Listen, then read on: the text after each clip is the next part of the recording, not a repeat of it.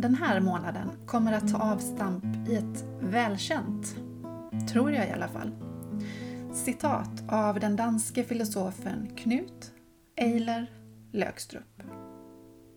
Stundtals kommer det här avsnittet bli rätt filosofiskt, vilket ju i och för sig är meningen med en etikpodd. Men det jag menar är att det stundtals blir lite mer teori än vad jag brukar fokusera på. Men håll ut, för jag tänker att vi har en hel del att lära av att stanna upp och reflektera kring själva teorin ibland. För att därefter kunna se på det vi gör om dagarna i nytt ljus. Så här säger Lögstrup. Den enskilde har aldrig med en annan människa att göra utan att han håller något av den andras liv i sin hand. Det kan vara mycket litet, en övergående stämning, ett gott humör som man får att försvinna eller som man väcker till liv, en leda som man fördjupar eller upphäver. Men det kan också vara förfärande mycket så att det helt enkelt beror på den enskilde om den andras liv lyckas eller ej.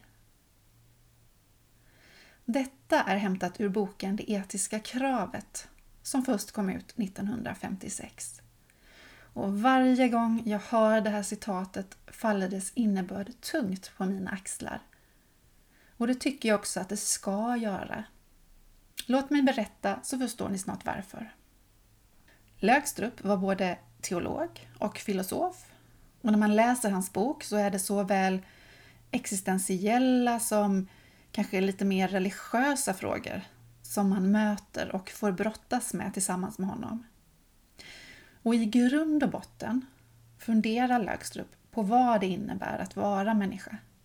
Och inte bara människa, utan människa med människa. Jag har i tidigare avsnitt nämnt olika etiska principer som vägleder oss. Men för Lögstrup är det inte principerna som är centralt, utan människan. Grundläggande, enligt Lögstrup, är människors beroende av varandra. Av att vi alltid befinner oss i relation till varandra. Och att förutsättningen för ett liv tillsammans, för ett liv överhuvudtaget, är tillit. Och en sådan tillit, menar Lögstrup, har vi med oss från allra första stund. Det är någonting, kan man säga, naturligt. Att vara människa är att leva i tillit. Och i och med i och med detta, i och med denna tillit, så lever vi alla alltid, menar Lögstrup, under det etiska kravet. Utgångspunkten är alltså att vi har personlig makt över varandra. I mötet med en annan människa kan vi göra gott eller ont, visa omsorg eller ödelägga, och det etiska kravet handlar om att vi alltid ska se till den andres bästa, ta tillvara på den andres liv. Vi är utlämnade åt varandra. Vi är i varandras händer. Och det här behöver vi ta ansvar för. Och skulle jag inte göra detta, leva utifrån det etiska kravet, så skulle jag svika den andra. Och saken är ju den att vi ofta blir svikna och sviker. Vi kör över varandra, vi överger varandra, vi tänker inte längre än till oss själva. Och Lögstrup ger oss inte någon lista över vare sig punkter eller konkreta handlingar som skulle kunna underlätta för oss. För det här är en situationsbunden etik. Och det betyder att det är en etik som uppstår i varje given situation och att det är upp till mig att stanna upp och fundera på vad som krävs för att det ska bli bra, gott värdigt. Inte se till vad som är normen, till vad man borde göra, till vad som förväntas av en. Istället handlar det om att reflektera kring vad det är som är att göra gott. Och detta är någonting som ligger bortom alla normer och önskningar. Man kan alltså inte gömma sig bakom ord som detta är min plikt eller om vi gör så här så blir det bäst för flest. Utan det är situationen här och nu som jag behöver ta in, reflektera kring och möta upp. Det finns ingen förutbestämd regel som styr mig. Och det finns inte något mål i framtiden som jag ska fatta beslut utifrån. Det är utifrån att jag står här och har en annan människas liv i mina händer som jag ska agera. Vi är varandras värld och varandras öde, säger Lögstrup. Den andra anledningen till varför Lögstrup inte ger oss någon lista över så här gör du med det etiska kravet, det är att det är något grundläggande. Det finns med från början och det är ingenting som vi kan definiera och därmed också omdefiniera. Lögstrup säger att det etiska kravet, det är ett outtalat krav. Och att vara människa är att leva med det etiska kravets tysthet. Liksom ha det hängande över sig så. Fast på ett bra sätt, tänker jag mig. Nästa viktiga sak Lögstrup kommer med är frågan om hur det blir för den andre. Det är nämligen inte så att det är min egen förutfattade, kanske, mening eller förståelse av livet som är lika med den andres bästa. Jag ska, citat, inte inbilla mig att jag bättre än hon vet vad som är bäst för henne. Slut citat. Detta vore nämligen också att svika den andre. Istället är det ett stort empatiskt arbete som följer med det etiska kravet. Det är den andres liv som ska vara i fokus. Livet sett utifrån den andres perspektiv. Nu får vi ta oss ner till vardagen tycker jag. På jobbet, i arbetet, inom skola, vård och omsorg är det etiska kravet uppenbart. Att det är vårt moraliska ansvar att svara upp emot detta. Vi kan inte välja att inte göra det om vi arbetar inom skola, vård eller omsorg. För här finns det klara och tydliga relationer där den ena personen är till för att på ett eller annat sätt ge omsorg till den andra. Till exempel stöd och service i vardagen, vård och behandling vid sjukdom eller utbildning och stöd i att växa upp till en demokratisk samhällsmedborgare, om vi tar skolan som exempel med. Den bristande jämlikheten. Det finns ju en som har ett behov och en som kan tillgodose detta. En utan makt och en med. En svag och en stark, om man vill spetsa till det. Gör det etiska kravet helt synligt.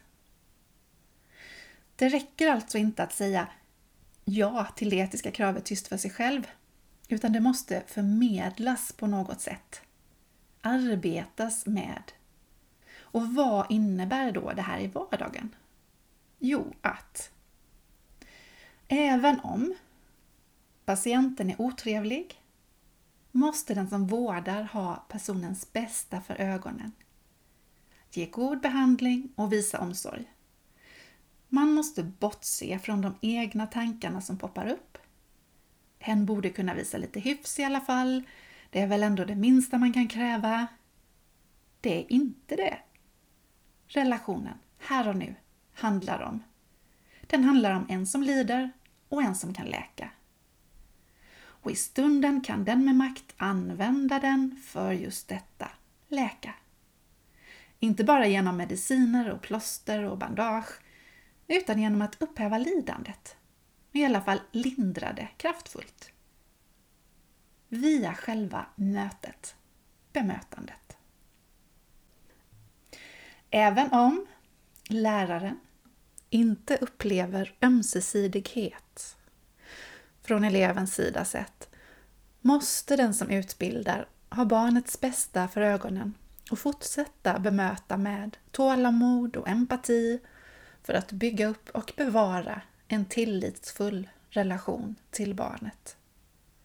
Att kräva ömsesidighet tillbaka går inte när vi befinner oss i en asymmetrisk relation där den ena är beroende av den andra. Jo, visst kan vi säga om jag gör så här så vill jag att du gör så där.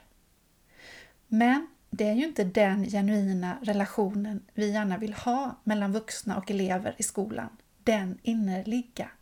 Den kan bara uppstå utifrån att den utan makt känner en sådan tillit till den med makt att detta blir det som bär relationen.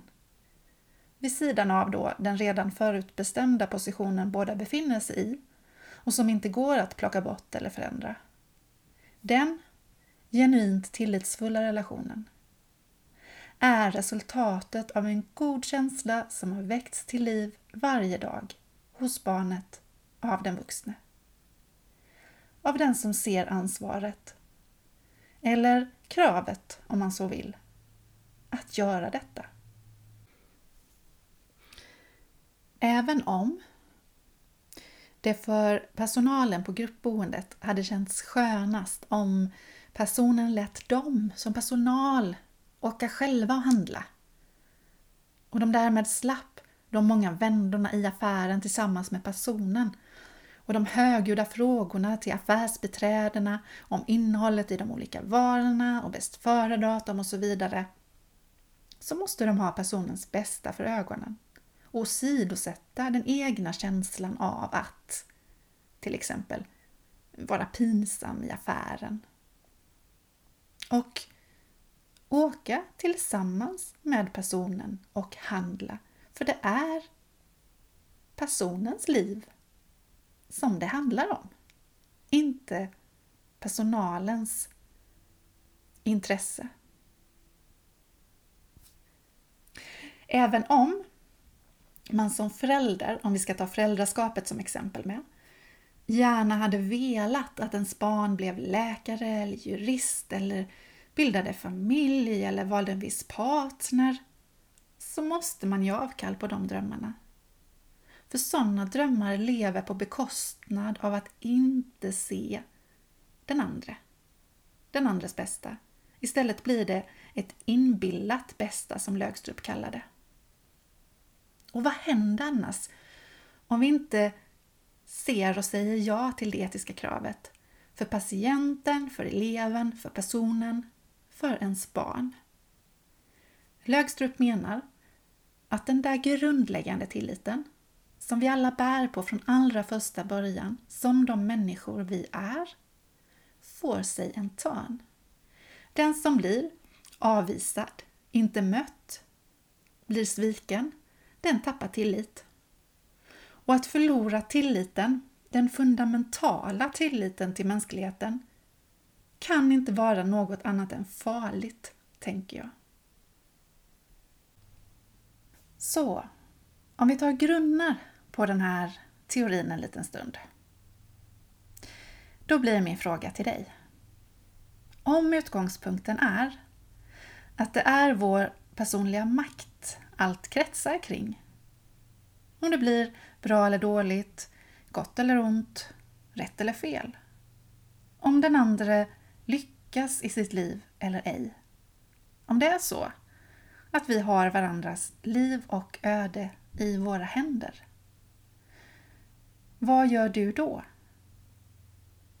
I mötet med expediten i affären, i mötet med busschauffören, i mötet med ditt barn. Och efter semestern, för jag gissar på att det är många som är på semester just nu. I mötet med personen, patienten, eleven. Vi hörs igen om en månad. Ta hand om er och med det etiska kravet på era axlar, ta hand om varandra. Hej så länge!